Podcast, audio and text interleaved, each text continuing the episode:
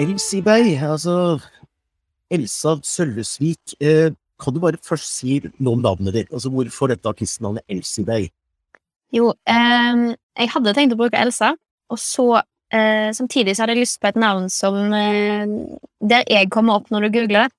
Og på grunn av denne Disney-filmen Frozen, så tror jeg ikke at jeg har sjanse til å komme over eh, prinsesse Elsa akkurat der. Um, så eh, derfor så begynte jeg å lete etter et nytt artistnavn, og da snakket jeg tilfeldigvis med min mor og fortalte det. Og hun sa å, da må du bruke Elsie, for hun hadde tenkt å kanskje kalle meg for Elsie istedenfor Elsa. da.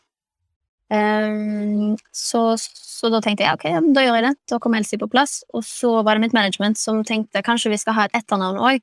For det er jo veldig mange kvinnelige artister med, med ett navn, og spesielt kanskje fra Norge. Um, så da tok jeg egentlig bare siste delen av etternavnet mitt, uh, Sølvesvik, altså Vik, og translata det til, til uh, Bay, da, på engelsk. Ja, så gøy. Jeg heter Anders Tangen. Jeg lagde meg et sånt uh, pseudonym som var Arnfinn Odden. Uh, Odde Tangen. Ja, men det, var, det, er smart. Da var det en forklaring på navnet ditt, uh, Elser. Ja. Men når vi nå snakker sammen her, det er litt sånn rart, for vi har jo samarbeida litt grann, i, i, studio, uten at vi skal gå inn på det her, men vi har gjort det, og, og da er du Elsa. Hva skal jeg kalle deg når vi sitter i podkasten her nå? Ja, du, det er det mange som har spurt meg de siste dagene, og jeg har egentlig ikke Jeg merka det, jeg hadde, det hadde jeg ikke tenkt på. Um, så jeg har bare sagt det. Bare kall meg det dere vil, og så, ja. så, så, svarer jeg til det. Ja, men det er greit. Det er ikke så mange andre her, så da lyder du navnet ditt uh, Elsa. Ikke er det noen Disney-prinsesse i nærheten heller, bortsett fra deg eventuelt, så da lyder du navnet Elsa. ja. Du, når, når, du jobber med musikken din, uh, hvordan, hvordan jobber du Altså, skriver du musikken på et akustisk instrument først, eller sitter du i studio og jobber sammen med folk helt umiddelbart? Eh, da jeg starta som låtskriver, så, så satt jeg hjemme med gitaren sjøl og jobba med det. Men da hadde jeg liksom ikke tilgang på studio og sånne type ting. Da var jeg jo ung. Um, men etter å liksom ha jobba med mange produsenter og kommet inn i det gamet der litt, så, så, liker jeg altså best å starte en låt sammen med en produsent i studio.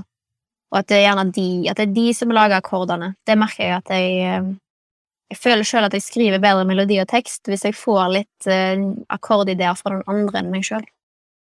Så det er den andre som på en måte legger fundamentet med akkordene, altså for de som ikke vet hva akkord er, jeg tror de fleste som gjør den podkasten vet det, men altså akkorder som man kan ta på gitar eller piano, det som ligger under, ikke sant. Eh, mm. Men har du da en melodi i hodet som du putter oppå, eller blir melodien til i møte med disse kordene? Eh, det blir til i møte med, med akkordene, ja.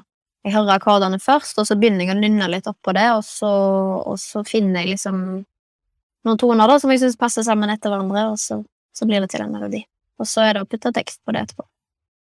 Vi lever i moderne tider, altså mange sånne gamle normer er borte, så jeg spør deg, hvor gammel er du? 25. jeg er 25 år. Og da tenker jeg, eh, eh, jeg er 54, og i gamle dager, ikke sant, da du skulle gå i studio, kosta det liksom kosta det jo like mye som å gå til advokat, det å gå i studio, så du måtte vite nøyaktig hva du skulle gjøre. Så eh, gikk du i studio, og så betalte du per time. Eh, men nå tenker jeg, nå virker det som at dere som går i studio, kan i anførselstegn sløse litt mer med tida og gå i prosess og sitte gjennom natta i sokkelisten og høre og bli inspirert. At det er nesten litt sånn folkehøyskoleaktig, stemmer det? Mm, ja, det stemmer. Det er, det er nok helt annerledes. Det er det er veldig sjelden folk betaler for å dra i studio og skrive en låt. Eh, nå til dags så betaler vi heller når produktet skal ferdigstilles. Og er det ferdig produktet? Ja. Så hvis jeg går inn en dag med en produsent, så er det gjerne han som liksom har det studioet, betaler leie på det og sånn, og så skriver vi en låt sammen, og da, hvis jeg eventuelt liksom finner ut at denne her låten har jeg lyst til å, til å gjøre ferdig og gi ut, og jeg har lyst til at han produsenten skal være den som som fikser det til et ferdig produkt, det er da jeg betaler for det. No cure, no pay, på en måte. Eh, ja, det, det er blitt litt sånn. Mm. Ja. Så låta di, Death of Us, eh, hvor viktig er det for deg at du skriver låta selv og jobber med både tekst og melodi?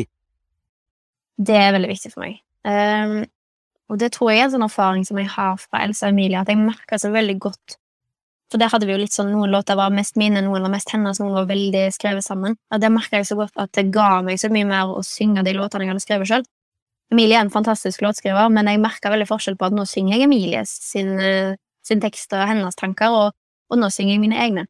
Um, så det har vært en sånn ting som jeg har tatt med meg videre, at jeg, jeg ønsker å har skrevet det sjøl, for det er nok det som gir meg mest. da. Du nevnte Elsa og Emilie, og det er jo en uh, duo som hadde en betydelig suksess. Jeg tror det var 30 millioner på Spotify på et eller annet tidspunkt, og uh, nominasjoner til Spellemannprisen og alt dette. Uh, hva slags ballast har du med deg ut av det prosjektet inn i nå ditt soloprosjekt Elsibøy?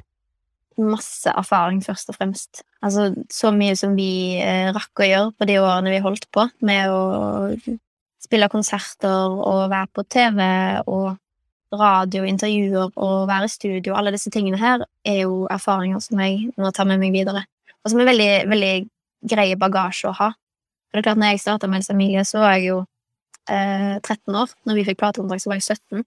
Visste ingenting om bransjen. Sant? Gikk på ungdomsskole, videregående, hadde ikke peiling. Og eh, det har jeg jo eh, skal, skal ikke si at jeg er utlært, men jeg har jo mye mer peiling nå denne gangen. Og det er veldig, veldig deilig. Men allikevel, altså, du, du har jo med deg en ballast hvor du tydelig suksess altså for musikken til Skam og denne sørkoreanske serien som jeg nå ikke husker navnet på, som jeg har her, som heter altså Kill Your Doll Nei, nei, unnskyld. Eh, å, jeg kan ikke hjelpe meg. også ser The Queen's House. The Queen's Ja. House, ja. Mm. Ja, ja. Jeg har noen notater her. Uh, ja. uh, altså, denne betydelige suksessen du hadde liksom i Momanger rundt dette Elsa og Emilie-prosjektet, og så nå går du ut alene med et nytt artistnavn, så tenker jeg jeg vil tenke at det er så risikabelt, fordi at du har jo liksom holde laurbær til å hvile på, men til å stå på for å gjøre deg litt større. Mm. Jo, men det er klart når vi har bestemt oss for å ikke skrive musikk eh, sammen, og liksom gå hver vår vei og sånn, eh, og jeg kjenner på at jeg ikke har lyst til å slutte å gi ut musikk, så, så har jeg liksom ikke klart valg enn å starte et nytt prosjekt og håpe på at folk liker musikken, og at jeg får lov å fortsette med det.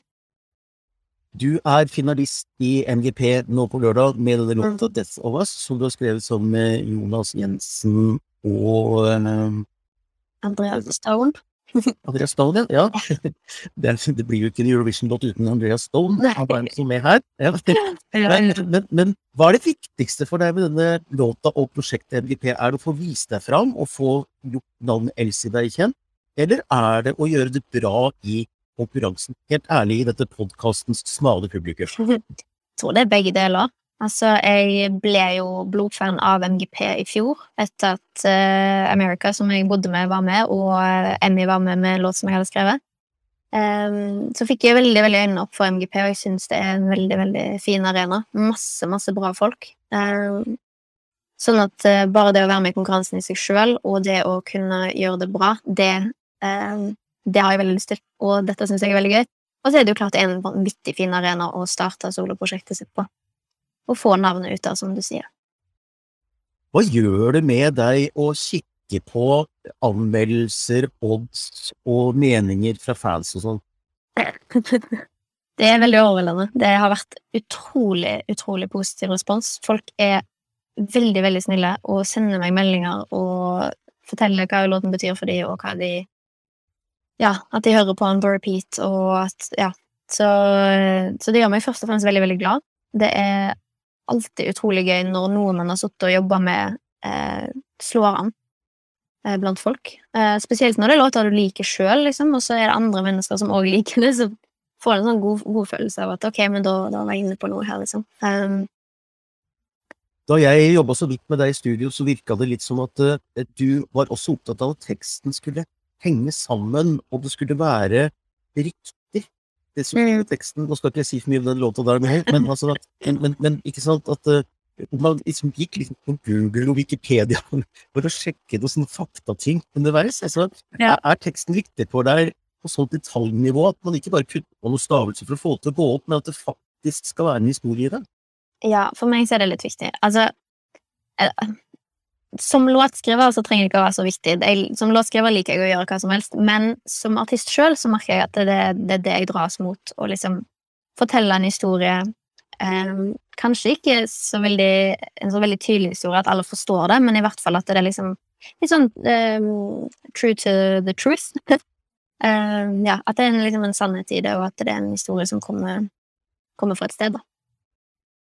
Det er jo litt sånn når folk får malt et bilde eller lagd et kunstverk, så er det ikke alle som ønsker å si noe om hva de legger i bildet, for de vil jo være åpent for den som betrakter det. Men hva vil du si er storyen din med Dead Palace?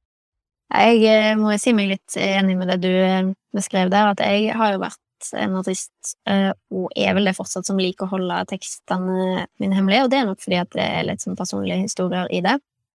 Um, så jeg har tenkt å holde litt på det enn så lenge, og så får vi se om jeg kanskje avslører litt mer etter hvert. Spennende. Tusen takk for at du var med i podkasten vår, Elsie Bay. Veldig mye lykke til på lørdag. Og så heier vi på deg, og vi heier selvfølgelig på alle andre også, vi, men eh, nå er det deg vi heier på. Tusen takk. Veldig bra, Elsie. Da skal du få lov til å bytte link, for det skal jo over på den her som, som du fikk, som er til livestreamen etterpå. Den ligger i messengeren din, ikke sant? Så ses vi der. Ja, supert. Flott, det. Takk skal du ha. Takk.